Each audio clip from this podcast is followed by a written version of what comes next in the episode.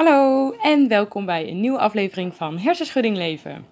Uh, een podcast met bedoeling als herkenning voor mensen met een hersenschudding. Uh, of voor eventueel familie en vrienden met iemand die een hersenschudding heeft. Of voor mensen gewoon als entertainment. Kies zelf waar jij uh, je prettig bij voelt. ik ben Coco, ik ben 22 jaar en ik heb nu anderhalf jaar een hersenschudding. en door mijn eigen ervaring weet ik dus hoe lastig het kan zijn om daarmee te dealen. En welke aspecten erbij komen kijken. Um, nou is het zo met een zeker wat zware hersenschudding best wel uh, lastig hoeveel impact dat heeft op je leven. Um, en ik wil eigenlijk verschillende ja, aspecten daaruit gaan oplichten, een beetje gaan uitleggen, eventueel wat advies gaan geven.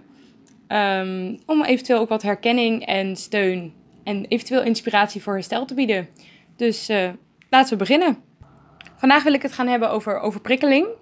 Uh, omdat uh, mensen met een zware hersenschudding daar eigenlijk dagelijks mee te maken hebben. Um, en het best wel handig is om daar enige kennis over te hebben. Omdat het um, helpt in uh, herstel. Omdat je als je weet wat overprikkeling, overprikkeling is en waar het vandaan komt, weet je ook wat je daaraan kan veranderen en hoe je er eventueel misschien wat beter mee om zou kunnen gaan. dan moet ik eerlijk zeggen dat ik nog steeds dagelijks moeite heb met overprikkeling en ook met de gevolgen daarvan. En ook ik ben er nog zeker niet uit um, hoe ik hier precies mee om moet gaan. Maar ik heb wel wat manieren en ik heb ook het een en ander online gevonden. Dus um, nou, daar wil ik eigenlijk met jullie uh, over gaan hebben. Ik heb een soort van uh, um, in drie delen uh, gedaan. Eerst wil ik een beetje gaan hebben over prikkels zelf. Daarna over overprikkeling en de klachten die daarbij zijn. En daarna hoe je daarmee om zou kunnen gaan. Uh, waarbij ook een stukje zit voor um, familie en vrienden. Hoe die jou zou, zouden kunnen helpen of ja, juist iets zouden kunnen verlichten. Uh, dus dan weet je in ieder geval wat er aan zit te komen. Omdat ik zelf best wel lastig heb met geheugen af en toe. Dat mijn korte termijn geheugen best wel soms even denkt van nou, uh, vandaag even niet. Zal ik af en toe even kort herhalen wat ik heb gezegd. Um, om nog wel even de rode draad uh, erbij te houden. Maar eerst, prikkels. Wat zijn prikkels überhaupt? Ik bedoel, uh, dat is wel handig om te weten. Um, prikkels zijn informatie die via zintuigen, uh, gedachten, ja, eigenlijk via alles wat binnen kan komen, binnenkomt. Um, het, het, zijn, het is informatie die je hersenen moeten verwerken. En dat kan door middel van je zintuigen. Dat heet dan externe prikkels. Maar dat kan ook door middel van gedachten. Doordat jij een bepaalde gedachte hebt en daar iets bij voelt. Um, ook dat zijn prikkels. Um, daar wil ik zo meteen iets verder op ingaan. Want er zijn dus uh, ja, eigenlijk twee soorten prikkels. De interne en de externe prikkels. Um, maar waarom is prikkelen, zijn prikkels nou echt een ding voor mensen met een hersenschudding? Want mensen die geen hersenschudding hebben hebben ook last van overprikkeling. En tegenwoordig steeds meer. In de tijd waar eigenlijk alles aanstaat, um, is dat ja, een, eigenlijk een begrip, overprikkeling, wat iedereen tegenwoordig al kent. Maar mensen met een hersenschudding hebben er net iets meer last van. En net in iets grotere mate dan uh, ja, de gemiddelde persoon. En waar komt dat nou door? Um, prikkels gaan door hersencellen uh, naar je hersenen toe. Die worden door hersencellen um, worden die verplaatst naar de hersenen toe, zodat zij ze kunnen verwerken en een plekje kunnen geven. Maar op het moment dat jij een hersenschudding hebt, en zeker een wat zwaardere hersenschudding, um, heb je eigenlijk een lichte vorm van een letsel in je hoofd. Dat heb ik in de vorige aflevering ook gezegd. Want een hersenschudding is eigenlijk een lichte vorm van een hersenletsel. En op het moment dat die prikkels dus door die hersencellen naar je hersenen moeten, of naar de goede delen van je hersenen, um, vindt daar een beetje ver, uh, vertraging in plaats, omdat het om het letsel heen geleid wordt. Nou, je kunt je wel voorstellen als je denkt aan het verkeer. Op het moment dat jij omgeleid wordt, duurt het allemaal wat langer. En dan kan het ook nog wel eens zijn als het allemaal omgeleid wordt. Um, op een normale maandag spitsdag. Dat het ook nog file gaat geven omdat er niet ineens minder auto's zijn of zo. Die auto's blijven maar komen en die zijn er niet ineens een stukje minder. Dus dat zorgt er eigenlijk voor dat wij overprikkeld raken. Want die prikkels die blijven maar komen. Het is niet dat je ineens minder prikkels krijgt. Maar omdat ze ongeleid moeten worden, duurt het wat langer voordat we ze kunnen verwerken. En omdat er ook gewoon nog een een of andere wachtrij zit, kunnen we ook niet meer alle prikkels verwerken. Dus dat zorgt ervoor dat wij overprikkeld raken. Want overprikkeling is eigenlijk te veel informatie die de hersenen kunnen verwerken. Dat is eigenlijk heel kort gezegd wat overprikkeling is. Nou, voordat we echt verder over overprikkeling uh, gaan hebben, wil ik het eerst over de soorten prikkels hebben. Um, want zoals ik net al zei, je hebt interne en je hebt externe prikkels. Nou, die interne prikkels zijn dingen die je denken, um, die je moet onthouden, uh, die je gaat leren, je gedachten, maar ook emoties. Dat zijn allemaal interne prikkels. Die zitten al ja, in je lichaam, in je hoofd. Uh, maar die moeten ook verwerkt worden. Dus iedere emotie moet verwerkt worden in je hoofd.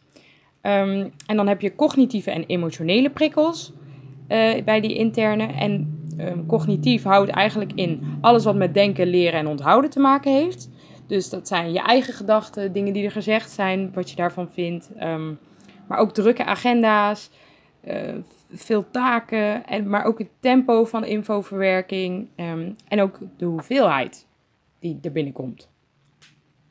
En je hebt ook uh, emotionele prikkels. Ja, dat zijn dan de emoties.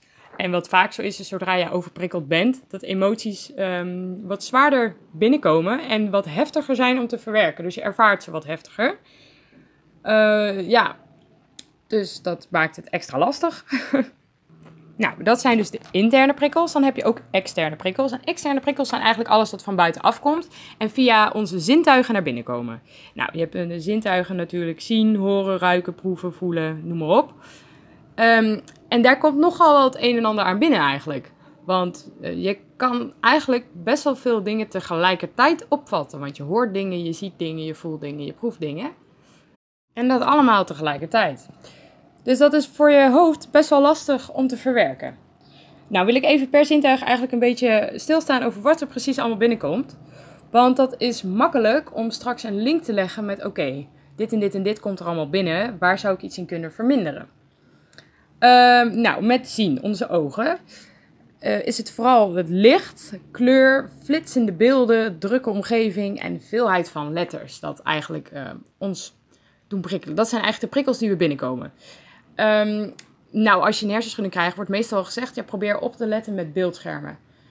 En als je nadenkt wat je allemaal ziet met beeldschermen, dus daarmee bedoelen ze laptop, tv, uh, telefoon, dan zit eigenlijk alles van zien zit daarin. Want er is meestal veel licht veel flitsende beelden ook, zeker op tv. Uh, veel kleur die ook verandert.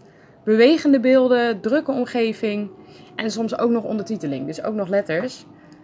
Dus ja, dat is zo'n groot aspect dat, dat, um, dat daarom wordt altijd gezegd: probeer even daarmee te dimmen, want dat is eigenlijk al zo'n grote trigger. Nou, dan hebben we horen. Nou, prikkels die binnenkomen met horen is geluid. Logisch, hè? Uh, maar ook achtergrondgeluid. Uh, waardoor het ook soms moeilijk is om een gesprek te voeren als ergens anders ook een gesprek plaatsvindt. Want dan kun je gewoon niet meer concentreren. Um, maar ook veel hoge geluiden of juist hele lage geluiden. Dat zijn ook weer extra prikkels die je uh, hersenen moeilijk vinden om uh, ja, te verwerken. Nou, bij geur is het gewoon überhaupt geur, maar vooral wat sterkere geur. Dus lichaamsgeur of parfum of van eten. Het zijn gewoon prikkels die die ja, moet verwerken. Met voelen eh, zijn het dingen die je voelt, maar ook de kleding die je draagt of de aanraking die iemand anders bij jou doet. Het zijn allemaal prikkels die je moet verwerken. Uh, met proeven is het de smaak. Um, en dat is nog best wel een dingetje, want het kan ook zijn dat op het moment dat je echt een hersenletsel hebt, dat je smaak is veranderd. Dit komt niet door overprikkeling, dit is dan echt uh, je smaakzintuig die is veranderd. Ik had dit ook bij mijn ogen trouwens, um, dat mijn ogen zijn veranderd. Of nou de stand van mijn ogen. En doordat ik ben gevallen. Dus ik draag nu sinds kort een bril, sinds uh, vier maanden of zo. Ik heb hiervoor 22 jaar nog nooit een bril gehad. En uh, ik heb dit aangegeven bij mijn revalidatieprogramma waar ik een intake had. Van, uh, nou, ik heb ook heel veel last van mijn ogen. Dat ik soms het einde van mijn winkel niet kan zien. Dat ik werk in een winkel. Um, en toen zeiden ze, laat je ogen testen. Want het zou best wel eens kunnen dat die zijn veranderd doordat jij nu een hersenschudding hebt. En dat was bij mij zo. Dus dat had niet eens met overprikkeling te maken. Die zijn gewoon echt, ja, of het permanent veranderd is, ik weet het niet. Maar nu tijdelijk wel even permanent. Maar dat kan dus met smaak ook zo zijn, dat je smaak even veranderd is. Um, wat ook een extra prikkel is van uh, extern, is pijn. En pijn is best wel een lastig iets, omdat nou, pijn is vervelend. Uh, pijn is ook zwaar en heel vermoeiend.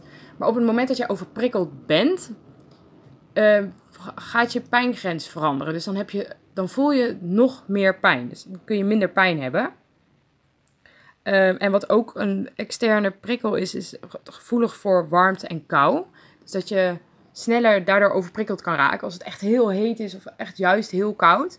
Dat je daar dan ja, sneller moeite mee hebt. Ehm, wat ook een externe prikkel is, is met evenwicht. Ehm, ik heb dat zelf al. Als ik echt overprikkeld ben, dan is mijn evenwicht echt helemaal naar de kloten. Ik heb dan echt moeite met lopen. Uh, het voelt dan echt alsof ik dronken loop. Ik moet me overal vasthouden. Ik heb de hele tijd het gevoel dat ik omval. En dan voel ik mezelf heel wankel. Dat is heel vervelend. Uh, dat heeft niet iedereen hoor. Maar dat is wel iets wat um, daarbij kan horen bij overprikkeling. Dus dat is best wel ja, iets wat handig is om te weten. Dat je daar ook niet meteen van schrikt. Want ik schrik er dus altijd van. En ik word daar heel angstig van. Uh, omdat ik denk, jeetje, wat, wat, wat gebeurt er allemaal met mijn lichaam? Dit is helemaal niet goed. Um, en ik schrik daarvan. Dat ik echt denk, oh jee, ik moet gaan zitten. Dit moet weg. En ik moet gewoon, ik moet zelf nog leren accepteren dat dat er dus bij hoort. En dat ik daar rustig om moet blijven. Kijk, natuurlijk kan ik het niet zomaar accepteren. Maar ik zou wel moeten leren accepteren dat het kan gebeuren. En dat ik daar niet um, van hoef te schrikken. Want het gaat ook weer over. En dat vind ik altijd heel moeilijk om te geloven aan overprikkeling. Want soms voel ik mij zo slecht dat ik niet meer geloof dat het weggaat. En dat gaat het wel. Maar dan gaat het vertrouwen weg. Maar goed, vertrouwen is voor een andere keer. Uh, dit zijn eigenlijk eventjes de prikkels die dus binnenkomen. De interne en de externe prikkels. En dan wil ik het nu gaan hebben over ja, die verwerking daarvan. Want hoe, doordat we dus zoveel prikkels binnenkrijgen, raken wij dus overprikkeld. Maar hoe zit dat dan precies? Nou, dat is dus zo. Mensen met een licht hersenletsel, of met een hersenletsel, um, nemen elk prikkel los op. Dus daardoor is het wel lastig voor ons om een verband te zien tussen die prikkels. En om daar één geheel van te zien. Dus als jij op het moment met iemand in gesprek bent, dan is dat allemaal prima. Dat gaat nog wel goed. Je kan je daar goed op focussen, want het is maar één soort geluid die je binnenkrijgt. En daardoor valt dat goed te managen. Op het moment dat er andere geluiden bijkomen of um, er verandert iets in het zicht, dus er gaat ineens een tv aan, word jij afgeleid omdat er te veel prikkels binnenkomen die je allemaal los opvat. En wat zeker bij overprikkeling um, mensen wel zeker kunnen herkennen, is dat je alles hoort. Dus op het moment dat ik overprikkeld ben, hoor ik de weg langs mijn raam. Ik hoor de klok tikken. Ik hoor eventueel zelfs de regen. Ik hoor buiten de wind waaien. Ik hoor vogeltjes fluiten, behalve als het regent. Um, ik hoor gewoon alles. En zo voelt het ook. Mijn hoofd, voor mijn idee, ontploft omdat hij alles hoort en super hard. Maar dat is dus omdat we alle losse prikkels opnemen en niet meer daar één ding van kunnen maken. En zo word je, ja, dat is echt een teken dat je gewoon uh, overprikkeld bent. Nou, en omdat ik hier iets meer van wilde weten over dat hele overprikkeling gedoe, um, heb ik een tijdje geleden, ik denk een uh, halfjaartje geleden, een boek gelezen over um, hoge sensitiviteit. Omdat uh, die mensen die hoge sensitiviteit ervaren uh, gevoelig zijn voor prikkels um, en daar mee struggelen. En ik dacht, nou, daar kan ik mij op dit moment goed in herkennen. Omdat prikkels voor mij ook wat harder binnenkomen en wat heftiger.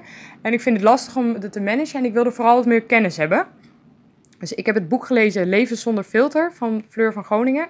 Zeker iets om aan te raden als je er wat meer over wil weten. Um, omdat zij heel stapsgewijs voor haar zelf uitlegt... nou, ik heb hier en hier last van, dit en dit doen niet, uh, prikkels bij mij. Maar überhaupt uh, hoogsensitief dingen, dit, dit, doet het allemaal met mij. En zo ga ik ermee om en dit en dit heb ik ervan geleerd. Um, wat daar belangrijk is qua prikkels, heb ik er nu eigenlijk een beetje uitgehaald... En hoe zij het eigenlijk heeft gedaan, is zij heeft die prikkels in een soort emmertjes um, gemetafoord. Ik weet niet of dit een woord is, maar ik heb het wel gebruikt. Dus gemetafoord, jongens, nieuw woord. En zij zegt het zo, al die prikkels, voor al die prikkels heb ik bepaalde emmertjes. En als een van die emmertjes vol zit, dan gaat dat al um, trekken aan het andere emmertje. Dus dat andere emmertje gaat ook sneller vol. En op het moment dat emmertjes vol zijn, word je overprikkeld. Dus het kan zijn dat het ene emmertje nog niet vol is, maar de andere al wel. Dus dat je voor bepaalde dingen al overprikkeld bent en voor andere nog niet. En op het moment dat alle emmertjes vol zitten, dan is het een probleem. Dan ben je echt eh, super overprikkeld. En ga dan alsjeblieft slapen en zorg dat dan alles stil is. Maar waar zij dus, ehm, voor, wat ik heel fijn vond, is dat zij onderscheid had gemaakt in die emmertjes. Waardoor ik ook een beeld had van wat allemaal dan verschillende soorten prikkels zijn. Want ik weet wel interne, externe soorten prikkels, dat is allemaal hartstikke leuk. Maar dan weet ik nog steeds eigenlijk niet wat die prikkels zijn of waar ik ze in ieder geval onder kan categoriseren. Dus wat zij heeft gedaan is die emmertjes dus namen gegeven. Ze hebben allemaal verschillende emmertjes. En ik heb dat lijstje even gewoon opgeschreven. En die ga ik even allemaal opnoemen. Het is best wel even een lijst. Maar dan heb je een klein idee wat voor verschillende soorten prikkels er binnenkomen. En wat die dus ehm, met je kunnen doen. Dus nou ja, oké. Er is een emmertje voor sociale contacten, voor social media, voor schermen, voor omgaan met bekenden, um, voor luide geluiden en muziek, voor andermans problemen, voor eigen problemen, voor andermans emotie en voor eigen emotie, voor pijn, voor zelfopoffering, voor drukte, voor geur, voor honger, voor positieve indrukken, voor eerste keren, voor verandering en nieuwe situaties en voor licht. Nou, er zijn er best wel veel. Maar wat voor mij heel fijn was, is op het moment dat ik dit las, dacht oké, oké. Uh, dus Annemans problemen zijn prikkels. Maar mijn eigen problemen zijn ook prikkels. Ik, ik, snapte dat sowieso nog niet. Ik vond dat hele mentale gedeelte vond ik nog moeilijk. Want ik had nog wel zoiets, oké, als ik dan mijn telefoon wegleg, heb ik minder prikkels. Maar als ik dan ontzettend veel in mijn hoofd ga zitten, rust ik nog steeds niet uit. Dus ik vond dat heel lastig. Omdat ik voor mijn idee controle kan houden over de externe prikkels die binnenkomen. Daar kan ik dingen over bepalen. En ik kan bepalen of dat ik de stad in ga of dat ik thuis blijf. Ik kan bepalen of dat ik muziek opzet of niet. Ik kan bepalen of dat ik de tv aanzet of niet. Ehm, maar over de interne prikkels heb ik geen controle. En dat is lastig, want ik kan moeilijk tegen mijn hoofd zeggen: hey, het is allemaal leuk dat je hier aan denkt. Maar hier krijg je extra stress van en dat kost alleen maar meer prikkels. Dus doe dat niet. Ik weet wel dat ik dat zou moeten doen, maar kan het niet. Ik vind dat heel moeilijk. Maar dat stukje controle, dat vind ik sowieso heel lastig. Omdat ik het graag zou willen controleren. Omdat ik weet dat het erger kan worden. En dat wil ik niet. Dus ik wil dat voorkomen. Ehm, en daardoor ga ik er heel angstvallig mee om. Eigenlijk. Want ik wil maar proberen om ervoor te zorgen dat het in ieder geval niet erger wordt. Nou, dat is een mindset die de afgelopen vijf weken bij mij is veranderd. Uh, door het revalidatietraject die ik heb doorlopen. Waar ik nog eigenlijk middenin zit. Want ik heb alleen nog maar de start gehad. Um, en die mindset die heb ik enorm uh, veranderd. Dus ik probeer er nu anders naar te kijken. En dat werkt ook best wel goed. Uh, mindset is sowieso nog iets waar ik later op terug wil komen. Niet in deze aflevering, maar in een andere aflevering. Omdat mindset, denk ik, een van de belangrijkste dingen is hoe jij ermee omgaat. En um, hoe jij jezelf ziet in het proces van herstel. Maar goed, nou ben ik weer helemaal afgeweken. Um, ja, ik had het dus over controle. Ook controle is iets waar ik eigenlijk nog later op terug wil komen. Want het ging eigenlijk over die emmertjes. Die hele vele soorten emmertjes. Waarbij je het verschil had in Annemans problemen, in eigen problemen, eigen emotie, Annemans emotie. Um, ook in pijn, maar ook in honger. Dat was ook een emmertje. En toen dacht ik, ja, ja. Want als het, uh, het emmertje van honger vol zit, tenminste ik herken dat wel dan word ik sneller moe, dan word ik chagrijnig. Dan, als ik honger heb, moet ik echt iets doen en dan word ik echt snel overprikkeld. Dus ik vond het voor mij heel fijn om die onderscheid te hebben. Dus eh, wil je hier sowieso iets meer over weten, raad ik zeker het boek aan. Leven zonder filter heet het, van Fleur van Groningen. Maar goed, dan hebben we al die emmertjes. Nou, allemaal hartstikke leuk. Dan krijg je overprikkeling, want die emmertjes gaan een tijdje vol zitten. Ja, en dan? Ja, dan krijg je klachten. Klachten van overprikkeling. En dat zijn niet leuke klachten. En dat zijn ook klachten die ook gevolgen hebben op een lange en korte termijn. Daar gaan we straks over. Eerst over de klachten aan zich. Um, je hebt lichamelijke klachten, cognitieve klachten, dus dat zit echt in je hoofd, en emotionele klachten. Nou, gaan we weer stuk voor stuk erlangs. Even duidelijk te houden. Lichamelijke klachten. Nou, van overprikkeling, hoofdpijn. De een van de bekendste voor mensen met een hersenschudding. Hoofdpijn is de boosdoener. Dat is echt vervelend. Want veel mensen zeggen, ah joh, hoofdpijn, ik kan er wel een beetje mee leven. Maar soms heb je zo'n hoofdpijn dat het dagelijks functioneren echt absoluut niet lukt. Dus hoofdpijn bij overprikkeling is best wel vervelend. Want het zorgt er echt voor dat je soms belemmerd wordt. Nou goed, hoofdpijn. We hebben er nog meer hoor. Dus wees vooral niet uh, bezorgd. Even kijken, wat hebben we nog meer? Een drukkend gevoel op het hoofd. Um, erg vermoeid. Spierspanning of krachtverlies En of kan ook allebei. Uh, motoriekproblemen, dat heb ik zelf niet. Ik heb bij mijn revalidatieprogramma wel iemand gezien die dat had. Uh, of dat echt met overprikkeling te maken had, dat weet ik niet. Maar wel met een hersenschudding. Um, en dat is wel echt heftig hoor. Ik vond dat wel uh, iets wat ik mezelf nog niet zo goed kon voorstellen. Dat je echt, je motoriek ook echt anders wordt. Vond ik wel heftig om te zien. Um, nou, een andere klacht is moeite met lopen. Zoals ik er straks al zei, heb ik daar best wel last van. Als ik overprikkeld ben. En ook de balans houden, dat vind ik ook heel lastig. Uh, een andere klacht is niet meer deel kunnen nemen aan uh, gesprek. Uit bescherming voor nieuwe prikkels. Nou, vind ik best wel logisch klinken. Dat jij jezelf gaat beschermen en daardoor gaat afsluiten. Ik herken dit ook heel veel. Want ik werk dus in een winkel. Ik werk in Hunkemuller. Um, en ik werk best, ik moet dus vrouwen um, adviseren over lingerie. En wat wij vaak doen, is dat we mensen ook begroeten in de winkel en uh, eventueel de eerste vragen die er al zijn, eventueel opvangen. Maar soms sla ik helemaal dicht. Als ik overprikkeld ben van al die mensen die binnenkomen, dan sla ik helemaal dicht en dan kan ik echt niet meer een gesprek aangaan. Dan, het enige wat ik dan in mijn hoofd heb is, je moet hier weg, je moet hier, je moet, je moet weg. Dus ik herken dat zelf heel erg, dat niet meer deel kunnen nemen aan een gesprek.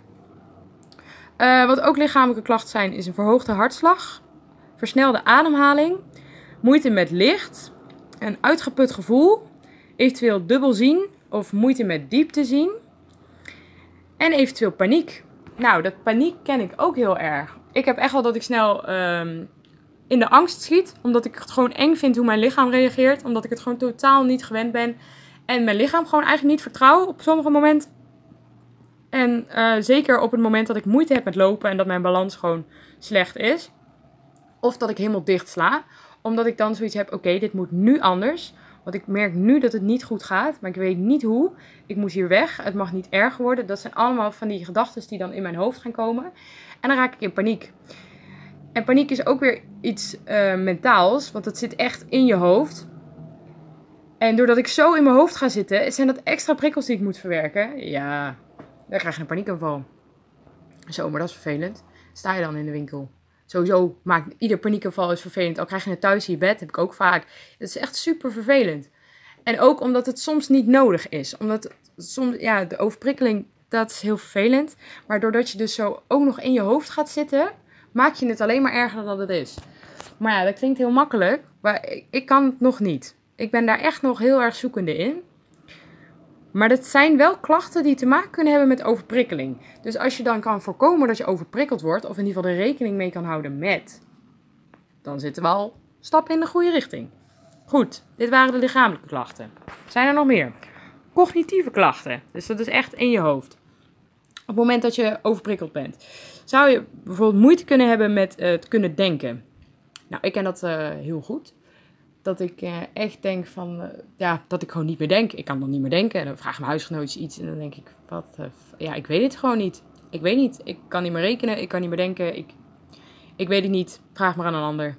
Vooral in het begin vond ik dit heel lastig, omdat ik zoiets dacht van, waarom weet ik dit niet? Dit hoor ik te weten. En nu heb ik zoiets, ja, sorry man, het wordt hem vandaag niet.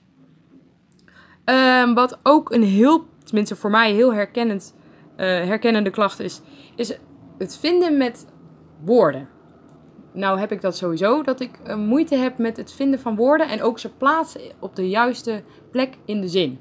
Dat blijkt dus ook echt een uh, klacht te zijn vanuit overprikkeling. Dus ook mensen die geen hersenschudding hebben en te maken hebben met overprikkeling, kunnen daar ook moeite mee hebben.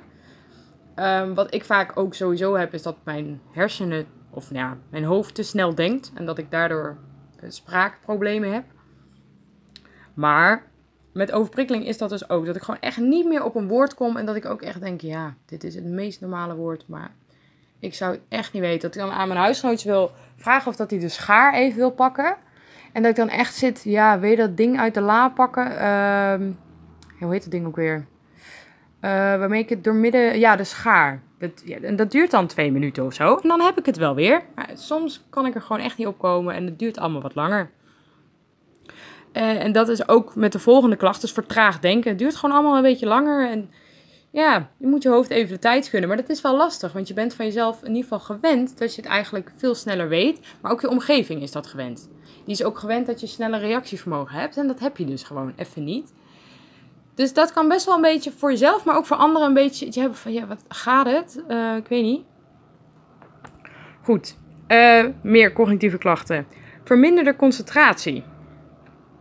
Nou, ja. Heel herkenbaar. Hyperactiviteit. Dat is voor mij ook een dingetje. Hyperactiviteit. Ik heb meestal een stilte voor de storm moment.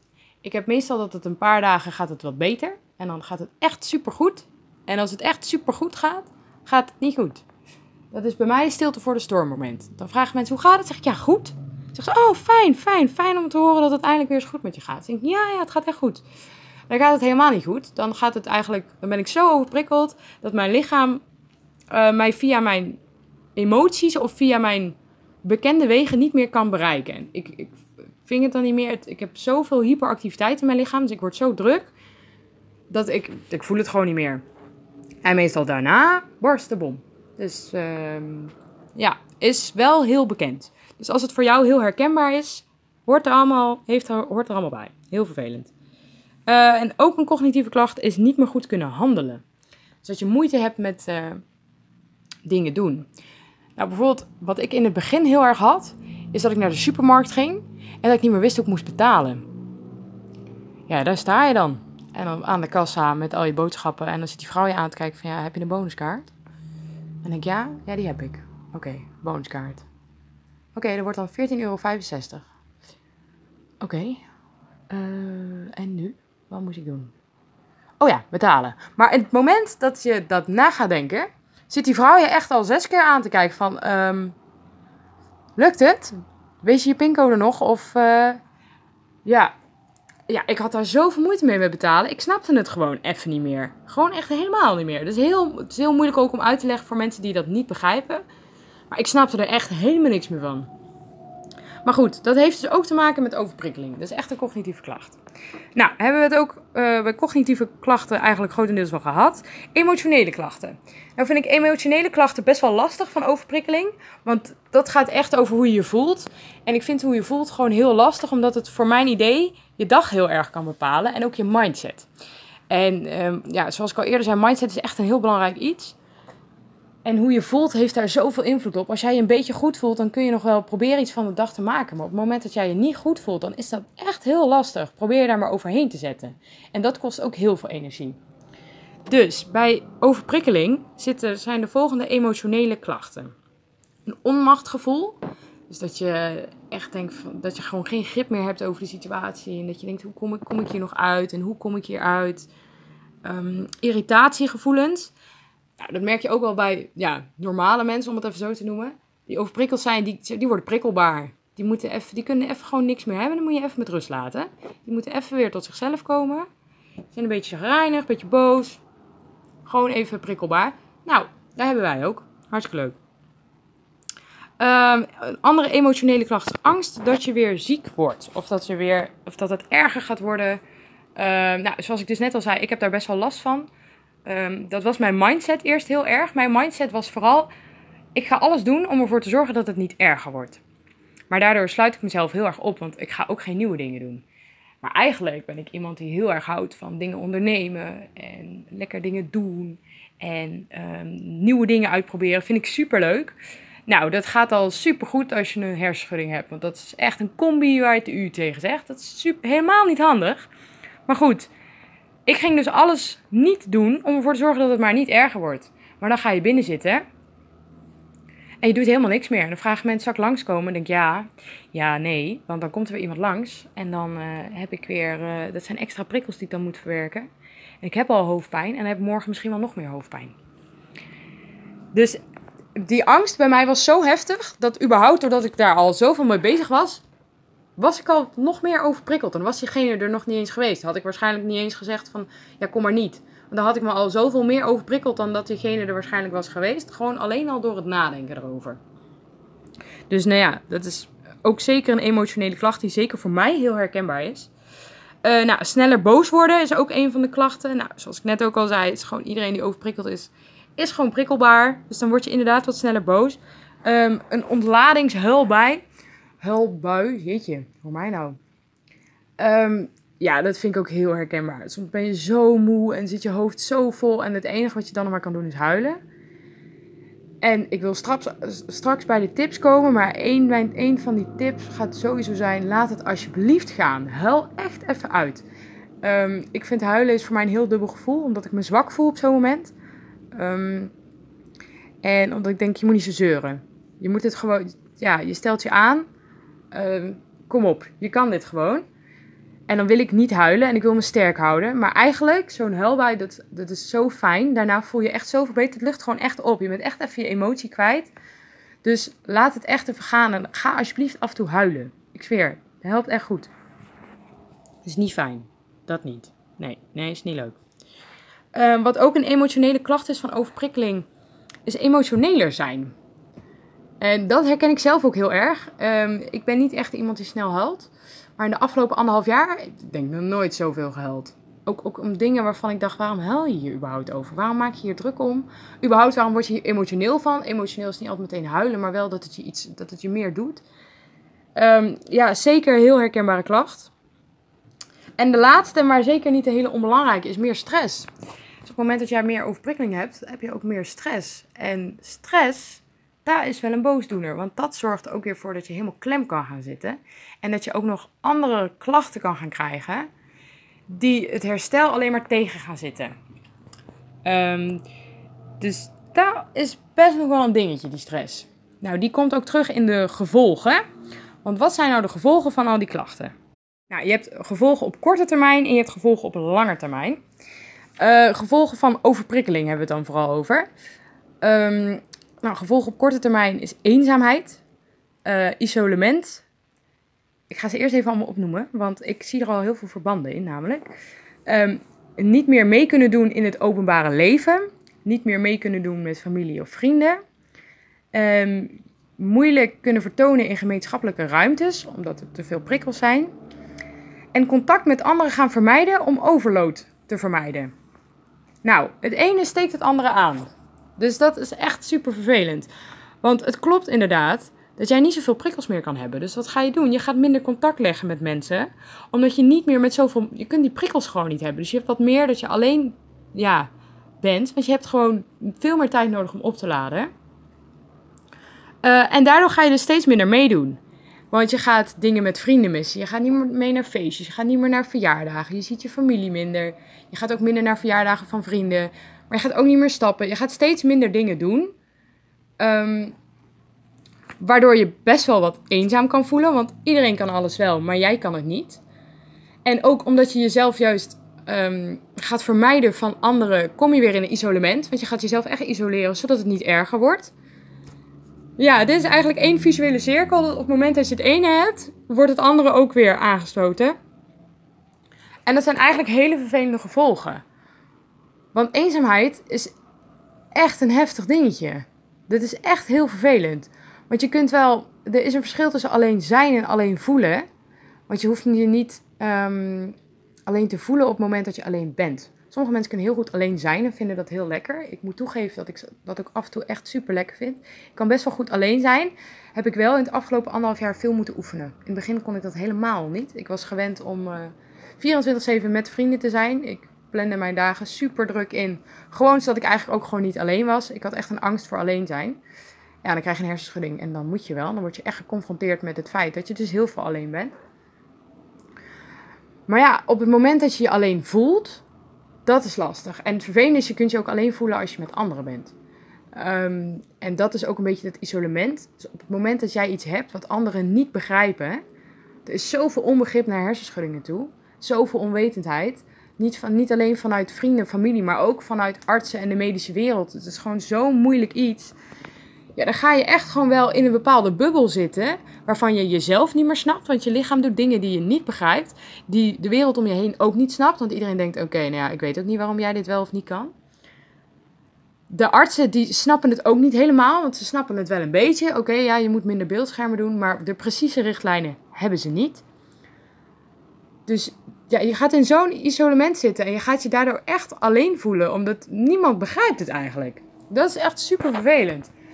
Alvast een tip, zoek lotgenoten op. Echt waar, dat, dat helpt zoveel. Al is het maar om herkenning met elkaar te delen, dan ben je gewoon niet alleen. Want het is echt lastig.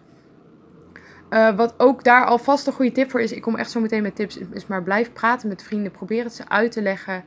Uh, vooral met vrienden die het ook willen begrijpen. Want je hebt ook mensen die denken, oké, nou ja, het is vervelend dat jij de hele tijd binnen zit. Maar als jij ook niet meer opkomt dagen, dan laat maar ook maar zitten. Dat zijn even de mensen die je niet nodig hebt. Uh, je hebt even mensen nodig die je willen steunen, die naar je willen luisteren. En vaak zeggen ze, wat kan ik voor je doen? Kan ik iets voor je doen? En dan is vaak het antwoord eigenlijk nee. Ze kunnen fysiek niet iets voor je doen. Um, maar vraag of ze gewoon even naar je willen luisteren. Dat je je angsten kan uitspreken. Misschien geef je aan dat je, als je, dat je geen advies wil. Want advies kan ook uh, van anderen kan weer heel lastig zijn. Omdat moet je dat volgen of moet je het niet volgen? Want ja, diegene heeft eigenlijk niet per se misschien de kennis uh, die jij al wel qua ervaring hebt opgedaan. Maar gewoon dat alleen voelen is zo lastig. Dus praat echt met mensen erover. Want dat is echt wel belangrijk. Um, maar ik snap dat dat heel moeilijk is, want je gaat ook juist weer mensen vermijden. Dus het is echt een hele dubieuze cirkel. Uh, maar daar kom ik zo meteen bij uh, advies nog op terug. Goed, dit waren de korte termijn gevolgen. Dan heb je ook nog lange termijn gevolgen en die hebben eigenlijk ook veel te maken met stress. Uh, op het moment dat jij een langere periode stress in je lichaam hebt, kan je daar lichamelijke en mentale klachten van krijgen. Um, omdat er een aanmaak van een stresshormoon is. En um, ja, daarvan gevolgen op lange termijn zijn hart- en vaatklachten, eh, maag- en darmklachten, slaapproblemen, immuunproblemen, maar ook depressies, ook een burn-out, um, angststoornis. Dat zijn echt dingen die echt met stress te maken hebben en um, die echt nare gevolgen kunnen hebben. Zeker als je in een burn-out komt, terwijl jij een um, hersenschudding hebt, dat is niet iets wat je wil. En ook zeker een depressie niet. Dat, ja, tuurlijk wil je dat niet. Ik denk dat niemand dat wil. Maar het, het, zijn wel gevolgen waarmee rekening gehouden moet worden. Het, zit er wel in dat het, uh, dat het kan als je te lang overprikkeld bent. En met, zeker met die stress als je daar niet kwijt kan. Dus dan komen we eigenlijk bij het volgende kopje. Wat gaan we doen om ervoor te zorgen dat die stress minder wordt? Om ervoor te zorgen dat je minder overprikkeld bent? Um, nou, wil ik nog sowieso echt een andere aflevering gaan maken over ontspanning zelf. Uh, en nu gaat het echt even over prikkeling en overprikkeling. Um, en daarbij het allereerste, maar ik denk wel een van de belangrijkste adviezen is: leer overprikkeling in jouw lichaam herkennen. Leer herkennen um, wat je doet. En hoe je dat kan doen, is door eigenlijk te kijken. Nou, ik heb best wel het een en ander uitgelegd. Wat zijn prikkels? Um, hoe, door welke verschillende wegen kunnen die binnenkomen? Door intern en extern ga voor jezelf een lijstje maken van wat je deze week gaat doen. Hou het heel minimaal. En ga dat langzaam per week, niet per dag, per week uitbreiden. Um, en ga kijken en bijhouden vooral, want geheugen is nogal een dingetje. Wat dat met je doet. Um, en zeker op het moment dat je denkt, nou, dit kon ik best handelen. Ga het langzaam uitbreiden. Dus bijvoorbeeld, ik zou niet meteen beeldschermen erbij doen. Dat zou ik absoluut niet doen. Um, maar ga gewoon steeds iets qua prikkels uitbreiden. Gewoon om te kijken tot hoe ver kan ik gaan. Kan ik dit uitbreiden? Hoe voel ik me daarbij? Zo ga je jezelf leren kennen. En zo ga je je grenzen ook leren uh, aanvoelen. En dat is zeker wel belangrijk bij overprikkeling. Dat je gewoon weet, oké, ik ben nu overprikkeld. Alleen al het bewustwording is super goed. Want dat je weet dat je overprikkeld bent, dat betekent niet dat je er meteen mee om hoeft te gaan. Maar dat je het weet, betekent al dat je erbij stil gaat staan en dat je erop gaat letten. En wie weet voor de volgende keer dingen gaat vermijden. Of dingen anders gaat doen. Dus dat is in ieder geval advies nummer 1. Leer echt overprikkeling bij jezelf kennen. En um, het is niet erg hè, om een keer overprikkeld te zijn. Je hebt echt niet meteen een burn-out als je overprikkeld bent hoor. Zeker niet. En overprikkeling hoort er ook bij. Want je moet jezelf ook uitdagen om juist je grenzen ook leren te gaan verkennen. Dus je wordt overprikkeld. Dat, ja, je kan niet je grenzen verleggen zonder overprikkeld te worden. En als je dat, je grenzen niet verlegt, word je niet beter. Punt. Je moet oefenen. Uh, maar je hoeft niet meteen een marathon te gaan lopen. Zoals ik in de vorige aflevering zei. Je moet rustig beginnen, rustig opbouwen. Want we gaan onszelf ook niet meteen een burn-out aangeven. Want ja, uh, rustig aan. Tranquilo. Nou, dan heb ik nog wat meer uh, tips. Zeker eigenlijk over um, het prikkelarme leven. Dit is een beetje om overprikkeling te voorkomen. Ik heb zometeen ook nog wat tips voor wat als je overprikkeld bent. Maar in ieder geval om te voorkomen. Um, nou, wat je kan doen is je telefoon op grijs tint te zetten. Dus even wennen. Het is echt heel anders. Ik heb het één keer in zoveel tijd. Ik heb het niet dagelijks, want ik vind kleur gewoon heel fijn. Ik vind kleur ook heel mooi. Ik hou ook van Instagram, dus zeker van die kleuren. Ehm, maar je kunt je telefoon op grijs tinten zetten. En daardoor krijg je dus al een stuk minder prikkels binnen qua kleur via je telefoon. Dus dat kan via instellingen en dan volgens mij via display en dan zicht. Dus dat is in ieder geval iets. Is ook leuk om gewoon eens een dagje of een weekje uit te proberen hoor. Ook gewoon van hoe ziet de wereld eruit als alles zwart-wit is. Want je ziet alles zwart-wit hè. Ook foto's op Instagram, ook foto's die je maakt. Alles zie je zwart-wit. En ze worden niet zwart-wit gemaakt. Dus het is wel echt grappig. Ehm, wat ook zeker een goed idee is, is de app Quality Time te installeren. Of in ieder geval iets op je telefoon die aangeeft hoe lang jij op je telefoon zit omdat telefoongebruik valt onder beeldschermen. Um, nou snap ik wel, zeker door de isolement, dat het wel fijn is om contact te kunnen houden met andere mensen. En om dat ook op te zoeken. Um, dus wat daarbij ook wel weer slim is, om wel te zorgen dat je niet alleen maar op je telefoon gaat zitten. Um, ik heb Quality Time geïnstalleerd. Uh, en ik heb eerst drie weken lang gekeken hoeveel zit ik überhaupt op mijn telefoon. Dus ik heb het gewoon geïnstalleerd, verder niks mee gedaan. Ja, wel geactiveerd, maar ik heb er niet op gelet. Nou, ik zat echt vijf uur per dag op mijn telefoon. En ik heb nog steeds die dagen hoor. Nog steeds. Vanuit het revalidatietraject dat ik heb gevolgd, uh, werd mij aangeraden om een uur tot anderhalf uur per dag op je telefoon te zitten. Dat is even drieënhalf uur minder. Dat is even wennen. Ik vond het echt wennen. Omdat ik vooral, voor mij voelde het alsof ik dan weer van de contacten die ik heb opgebouwd, werd afgebroken. En dat vond ik lastig. Want ik denk, ja, dit, zijn, dit is juist mijn manier om nog met de wereld mee te kunnen doen. En om ervoor te zorgen dat mijn gevoel van stilstaan minder wordt. Uh, en dan mag dat niet. Maar ik moet eerlijk toegeven, op het moment dat ik minder op mijn telefoon zit, voel ik me echt uh, een stuk beter. In ieder geval mijn hoofd. Ik ben echt een stuk minder overprikkeld. Dus dat is zeker een goede uh, tip. Quality time. Al is het maar om bewustwording te worden van hoeveel je überhaupt op je telefoon zit. Uh, een andere tip is oordoppen. Oordoppen hebben ook meteen een kanttekening. Op het moment dat jij alleen maar oordoppen gaat dragen, dus echt met iedere situatie, wordt jouw gehoor gevoelig omdat het gewend raakt aan de nieuwe, mindere geluiden die die binnenkrijgt. Dus ga daar in balans mee om. Ga niet altijd oordop in doen. Ga niet oordop in doen als je buiten gaat wandelen. Is niet nodig. Ga wel oordop in doen als jij naar de stad gaat.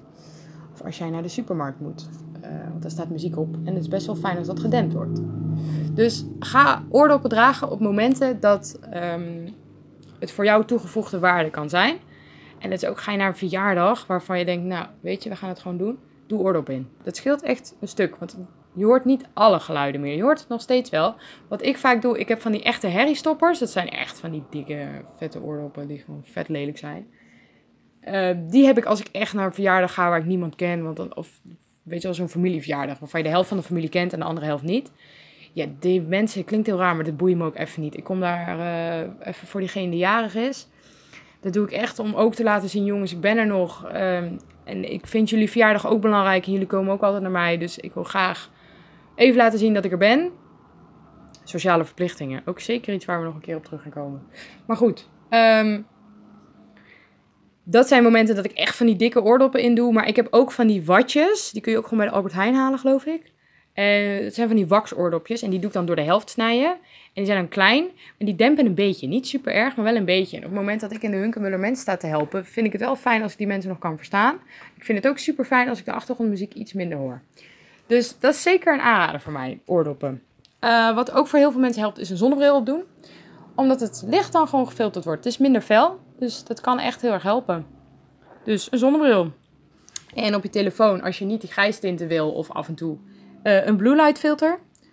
Zodat het niet zo heftig is. Het wordt een beetje dan verzacht. Dus dat is ook uh, super chill. Um, wat ook een goede is, is lijstjes. Omdat uh, ik in het begin al zei, die interne prikkels, weten we dat nog, is alles van je geheugens, dingen die je uh, zegt, denkt, dat soort dingen. En dingen die je denkt zijn ook dingen die je bijvoorbeeld moet onthouden. Oh, dit moet ik nog doen, dat moet ik nog doen. Dat is vet irritant.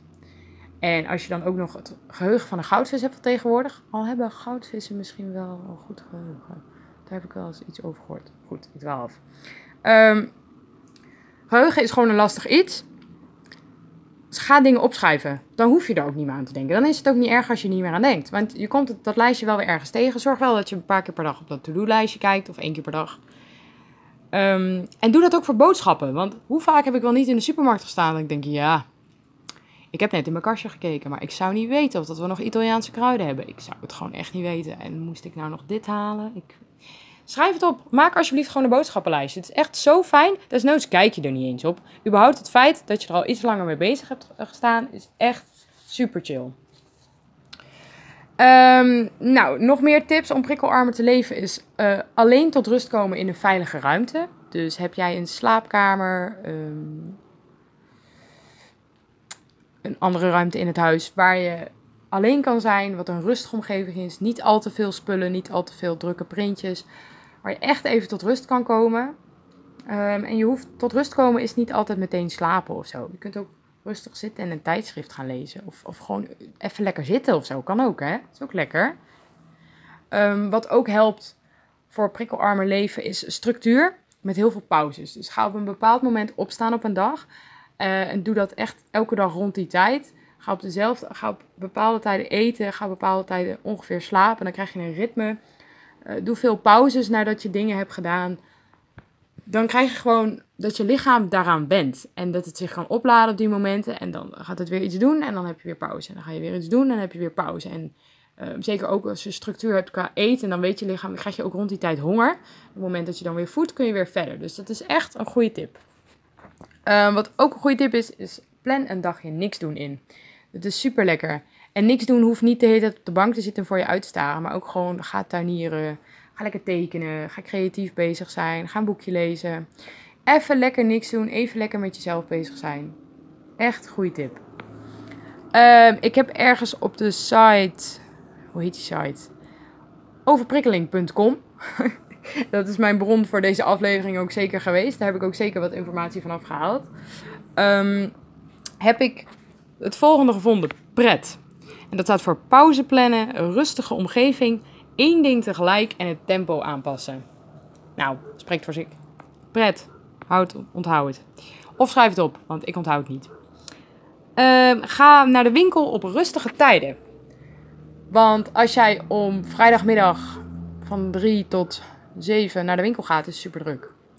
Ga jij om eh, 10 uur s ochtends, dan is het lekker rustig, want dan is er geen kip. Want die moeten allemaal nog werken en die hebben geen vrije middag. En ook op maandagmiddag ga niet om vijf uur, maar ga lekker daarvoor. Ga ook niet in de pauze, hè? want uh, tussen 12 en 1 heeft iedereen pauze. Ga lekker om 11 uur boodschappen doen of om 2 uur s middags. Dan is het gewoon echt wat rustiger in de winkel. Dat is echt heel fijn. En betaal in de winkel met pinpas. Dat scheelt ook echt superveel. Desnoods schrijf je je pincode op als je denkt dat je dat ook gaat vergeten. Maar eh, als je nog moet gaan nadenken over dat cashgeld, klinkt heel raar, maar je moet weer gaan rekenen. En dat rekenen is weer extra prikkels, want je moet gaan denken, al is het 30 euro hè. Oké, okay, 10 plus 20. En die moet ik weer geven, die moet ik weer pakken uit mijn port. Ja, het zijn allemaal extra handelingen die je moet doen, waar je over na moet denken en die je ook meer moet verwerken. Dus betaal me de pinpas. Echt, goede tip. Um, dan heb ik ook nog wat tips. Trend van vrienden en familie. Want ja, die willen je natuurlijk ook nog steeds zien. Die willen je ook steunen in deze periode. En natuurlijk is het voor jou ook belangrijk dat je nog steeds onder de mensen bent. Want je kan niet je helemaal afsluiten. Dat is echt niet oké.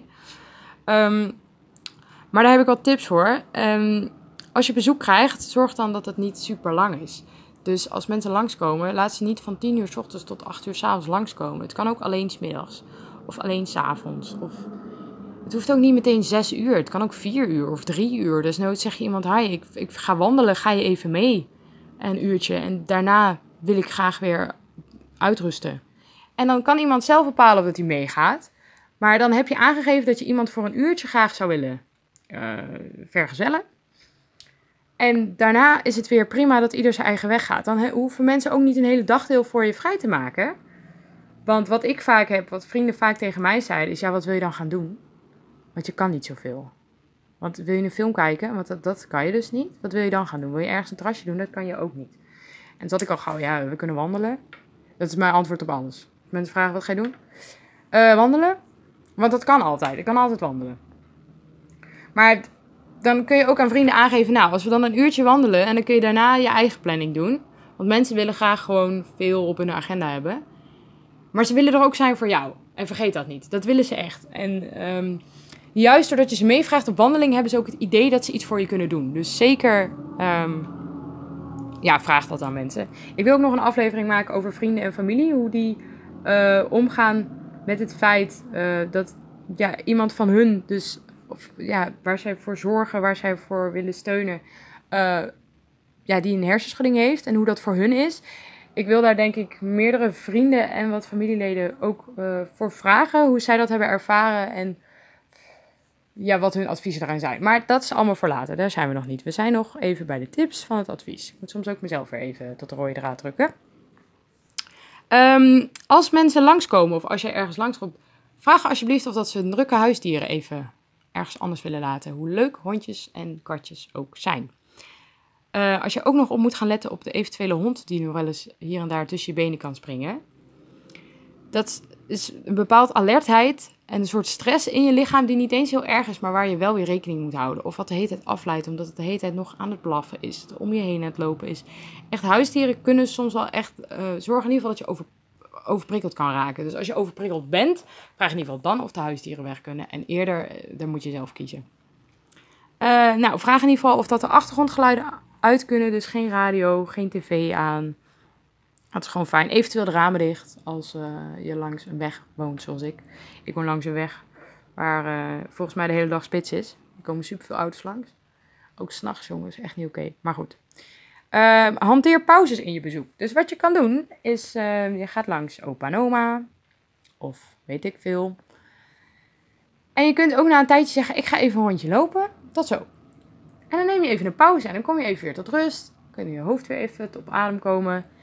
En dan kun je daarna weer verder. Dus bijvoorbeeld, zeker als je bijvoorbeeld een kerstdiner hebt of zo. Dat zijn toch wel van die speciale gelegenheden die je zelf ook niet wil missen. Want je wil niet met kerst in je eentje op de bank zitten. Dat wil je gewoon niet. Ik heb het vorig jaar één dag gedaan. Dat is gewoon niet chill. Daar word je alleen nog maar depressiever van. Dan kun je beter er wel bij zitten en overprikkeld worden. Dan dat je thuis gaat zitten en jezelf ellendig gaat voelen. Maar doe dan pauzes inplannen. Ga gewoon, zeker omdat zoiets vaak een gourmetten en spelletjesavond is en weet ik veel. Ga gewoon, jongens, uh, we zijn nu even klaar met gourmetten. Zometeen een toetje over een half uur. Ik ga heel even een half uur buiten lopen. Alleen. Of met één iemand. Pauzes, echt, super goede tip. Uh, een van mijn grootste tips nog wel is denk ik, plan alles onder voorbehoud. Spreek dat ook met mensen, spreek het gewoon uit. Ja, ik wil best volgende week woensdag met jou uh, wat gaan thee drinken bij mij thuis. Maar wel onder voorbehoud, want ik weet me nog niet hoe ik die woensdag ga voelen. En um, als diegene dat vervelend vindt, dat je het onder voorbehoud plant, dan spreek je af dat je. Dan spreek je iets anders af. Ja, echt, serieus. Onder voorbehoud is echt iets wat ik dagelijks gebruik. Want je gaat nou eenmaal dingen afzeggen. Dingen gaan te veel worden en je kunt van tevoren niet weten of dat jij overprikkeld bent. Um, meestal weet je dat pas op de dag zelfs. En soms echt pas een paar uur van tevoren. Want het kan nog wel eens zijn dat je ochtends iets hebt wat je veel meer doet. Waar veel meer prikkels waren dan je had verwacht. En dat je smiddags eigenlijk gewoon tot rust moet komen. En dan uit schuldgevoel toch nog met iemand gaat afspreken. Omdat je denkt, ja, nou kan ik niet meer afzeggen. Echt, spreek het uit. Plan dat je het uh, onder voorbehoud doet. Vertel eventueel wat je nog meer die dag hebt, zodat ze het ook begrijpen. Maar je hoeft je niet te verantwoorden. Dat hoeft tegenover vrienden en familie niet. Als je gewoon afzegt, sorry, het gaat gewoon niet. Ik ben overprikkeld. Ik zou graag een andere dag met je plannen, want het gaat hem nu gewoon niet worden. Echte vrienden zeggen, is goed, snap ik. Goed dat, je goed dat je je grenzen aangeeft. Is goed, we doen het wel een andere keer, maakt niet uit. Dat is wat echte vrienden zeggen. Ook na de dertigste keer. Dus plan alles onder voorbehoud. Echt een hele goede tip. Nou, dat waren eigenlijk alle tips om overprikkeling een beetje te, uh, ja, te voorkomen. Maar dan heb ik ook nog wat tips voor wat als je al overprikkeld bent. Want ja, het is ook fijn om dan die emmertjes weer te kunnen legen. Uh, nou, een tip is ga de natuur in. Natuur ontspant uh, voor lichaam en geest. Ga wandelen. Uh, doordat je wandelt is je lichaam bezig met het bewegen van je benen. Waardoor je niet ook alle focus op je hoofd kan leggen over het eventuele denken. Uh, dus wandelen zorgt ervoor dat je een beetje uit je hoofd gaat. Dus het ontspant echt. wat mij is geadviseerd vanuit het revalidatiecentrum is ga elke dag minimaal een half uur fietsen of wandelen. Nou hou ik niet zo van fietsen. ook met de hobbels op de weg. Uh, maar ja, ik vind wandelen ook gewoon veel fijner om te doen. Ik vind het veel rustgevender. Met fietsen moet je toch wat meer op het verkeer letten. En dat vind ik zelf lastig, omdat het soms gewoon te snel gaat. En met wandelen heb je gewoon veel meer tijd en uh, kan je daar de tijd voor nemen. Dat is echt heel fijn. Dus wandelen, goede tip. Uh, overprikkeling, zeker wat ook helpt, is slapen. Slapen en rusten. Echt, ja, je lichaam totale ontspanning geven. Uh, dus nou, structuur, daar heb ik het al eigenlijk over gehad. We maken vaste planningen.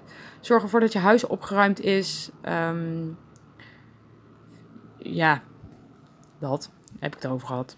Ehm, als je emotionele overprikkeling hebt, ga daarover praten. Dus wat ik daar straks ook al zei, is als je echt last hebt van die eenzaamheid, is, ga mensen opzoeken en vragen of ze alleen maar willen luisteren. En niet willen adviseren, maar gewoon even willen luisteren. Want je moet gewoon even je verhaal kwijt. En vaak erover praten, ehm, dan zul je ook vaak horen dat mensen ook gewoon zeggen: Oh ja, dat herken ik. En ja, dan kun je er samen even een beetje over brainstormen of zo. Misschien hebben zij wel een goede tip over hoe je je anders kan voelen of zo, weet ik veel. Uh, wat ook vaak helpt bij overprikkeling, maar wat bij mij niet altijd helpt als ik te overprikkeld ben, want dan kan ik het niet meer, is creatief zijn. Ga lekker schrijven. Uh, daardoor kun je je emoties ordenen, dus dat is super chill. Uh, ga schilderen, ga tekenen, ga muziek maken als je muziek kan hebben. Dus dat is wel met een kanttekening. Um, ja, wat kunnen we meer voor creatieve dingen doen? Ga een podcast opnemen. Ga een podcast luisteren. Ja, je kunt zoveel dingen doen. Ga een tijdschrift uh, allemaal letters uitknippen en ga er een verhaal van maken. Ga een moodboard maken voor jezelf van allemaal positieve dingen. Ga een moodboard maken met allemaal dingen die je zou willen doen. Uh, doelen voor 2038, weet ik veel. Ga lekker creatief bezig zijn. Echt super fijn. Uh, wat ook helpt voor overprikkeling minder te gaan is lezen. Al kan het wel zijn dat het soms de vele letters wel uh, vermoeiend zijn. Dus dan moet je echt proberen aan te voelen en anders niet te lang. Dus ga het eerst even 10 minuten doen en kijk even hoe je daarop reageert. Neem even een pauze. Ga even ademhalen. Uh, drink even wat. Kijk even hoe je voelt. Uh, wordt het erger of, of, of, gaat het eigenlijk wel prima? Want soms is afleiding ook gewoon heel fijn. Voor, voor die, zeker voor die klachten. Dus nou, afleiding helpt dus. Nou, dat is dus ook het creatief zijn. Uh, wat ook heel goed helpt, is even ademhalen. Want dat gaat het, ja, ademhalen is iets wat natuurlijk dagelijks doen. Maar even goed stilstaan bij je ademhaling door middel van eventuele meditatie, yoga, uh, bodyscan. Het zijn dingen die heel even laten focussen op je ademhaling.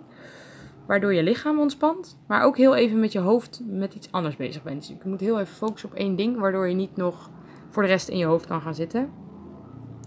Uh, wat kennelijk ook heel goed helpt tegen overprikkeling is liefde. Uh, dit heb ik ook van de site overprikkeling.com. Nou, ik heb zelf geen partner, dus um, daar kan ik niet al te veel over meedelen hoe dat daadwerkelijk ook is. Uh, ik kan me ook voorstellen dat het soms ook weer juist lastig kan zijn. Maar ik kan me ook voorstellen dat het weer juist heel rustgevend is en dat die liefde afleidt. Dus liefde, uh, maar ook wel van familie en vrienden. Die heb ik wel. Dus hey, top. Uh, fysieke ontspanning. En dan hoeft het niet per se sporten te zijn, want sporten is nogal een lastig iets. Maar bijvoorbeeld een massage, uh, manicure, privé sauna. Ja, dat zijn allemaal dingen die geld kosten wel. Maar dat zijn wel dingen waarvan je echt, echt even ontspant. En als je echt ontspant, wordt je stress minder. En ga je echt healen. Dus genezen. Dus ja, is ook weer supergoed. Ja, en nog een laatste tip is alleen zijn. Dat werkt ook echt met overprikkeling. Gewoon even alleen zijn. Hoe saai dat ook kan zijn, hoe stom het ook kan zijn, hoe eenzaam het ook kan zijn. Alleen zijn werkt. Dat je heel even met jezelf bent. En niet ook nog allemaal andere prikkels hoeft te verwerken. En alleen even jezelf. Probeer dan je, rust, je hoofd wat rustiger te maken. En dan uh, kom je er wel uit. Als je er niet uitkomt. Uh, geef me dan een seintje. Stuur me een berichtje op mijn Instagram-account Hersenschuddingleven. Uh, dan denk ik graag met je mee. Heb jij misschien nog tips voor mij? Hoe ik nog meer uh, overprikkeling tegen kan gaan? Heb jij nog signalen die jouw lichaam afgeeft van... Nou, ik denk als ik dit heb, dan merk ik dat overprikkeling bij mij aankomt. Of overprikkeling is voor mij dit en dit. Laat het me weten via mijn Instagram-account. Uh, vind ik super leuk. Ik vind het ook super leuk om verhalen van jullie te horen. Uh, om te horen wat je herkent, om te horen wat werkt voor jou, wat niet werkt voor jou. En hoe je in je herstel zit. En hoe je jezelf eventueel motiveert. Uh, dan kunnen we elkaar alleen maar helpen. Ik denk alleen maar dat dat fijn is. Dus nog één keer, hersenschudding leven. Ga dat, hoeft me niet te volgen hoor. Als je geen zin hebt, dan moet je het zeker niet doen. Maar als je het wel wil, we kunnen elkaar helpen. Superleuk. Doe dat vooral. Kom ook met tips, feedback, eventuele suggesties voor volgende afleveringen. Kom maar op. Uh, dan kom ik nog even bij de afsluiting van de vorige keer. Ik heb de vorige keer gezegd dat ik een doel had. Um, omdat ik het zeker belangrijk vind om een doel te hebben, een weekdoel. Uh, mijn doel was meer op, op, of ja, op social media gaan kijken hoe ik dat allemaal wil gaan doen met mijn podcast. Nou, die loopt best wel goed. Mijn Instagram-account loopt wel. Ik heb al hier en daar best wel wat volgers. Uh, ik heb ook al wat gesprekken met volgers gehad. Vind ik echt super leuk als jullie dat doen. Dus blijf daar vooral mee doorgaan. Um, dus dat was mijn doel voor afgelopen week. Mijn doel voor aankomende week is ook meteen een announcement. En dat is namelijk uh, mentaal even helemaal ontspannen. En hoe ga ik dat doen? Ik ga op vakantie. Ik ga overmorgen op vakantie. Twee weken naar Jamaica. Met een vriendinnetje van mij. Uh, vind ik heel spannend, want het is heel lang vliegen. En vliegen vind ik heel veel prikkels. Dus dat vind ik spannend. Maar ik heb er ook super veel zin in. Heel even andere cultuur, andere vibe. Um, en even niet bezig zijn met revalideren. Dus ik vind dat heel lekker. En ik, ja, zoals ik al zei, ik ben er ook wel weer heel zenuwachtig voor. Um, hoe ik dat met mijn podcast ga doen. Ik denk dat er even twee, drie weken geen aflevering komt. Vast vanaf het moment dat ik weer terug ben. Ik ben terug in de tweede week van september. Uh, dan zal er weer een aflevering aankomen. Maar misschien heb ik wel de rust gevonden op Jamaica. En heb ik een dag niks te doen. En denk ik, goh, weet je. Ik heb een superleuk idee. En ik ga toch een podcast opleveren. Nou ja, dan hebben we verrassing. Dus wie weet komt er een verrassing, dus wie weet niet. Ik kijk wel even. Ik ga me vooral niet te veel stress opleggen, want ik merk dat ik dat deze week wel heb gehad. Um, gewoon met het voorbereiden van de vakantie en ik vond dat gewoon echt spannend. Dus dat is mijn weekdoel. Um, stel jezelf ook een weekdoel in, of een drie weekdoel. Uh, misschien iets wat met de aflevering te maken kan hebben. Dus bijvoorbeeld uh, ga kijken wanneer jij over, ga bewustwording creëren over je overprikkeling. Ga uh, prikkels uitproberen of ga een doel opstellen om prikkels uit te proberen. Um, ga erover nadenken wat jouw uiterste doel is. Wat wil jij over twee jaar echt weer kunnen? En wat is daarvoor nodig? Um, misschien ga je dat over twee jaar nog niet kunnen, hè? dat maakt niet uit. Maar gewoon het feit dat je erover nadenkt wat er allemaal voor nodig is en welke stapjes jij ook kan maken op korte termijn, zorgt er in ieder geval al voor dat jij stappen vooruit gaat maken. Uh, nou is doelen sowieso nog iets waar ik ook nog een keer op terug wil komen. Maar uh, dat is zeker een, eventueel een leuk weekdoel. Dus verzin iets leuks. Laat me weten wat je weekdoel is. Ik ben erg benieuwd. En uh, ja, tot over drie weken denk ik. En, uh, of via mijn Instagram account. Daar ben ik zeker nog bereikbaar. Oké, doei doei!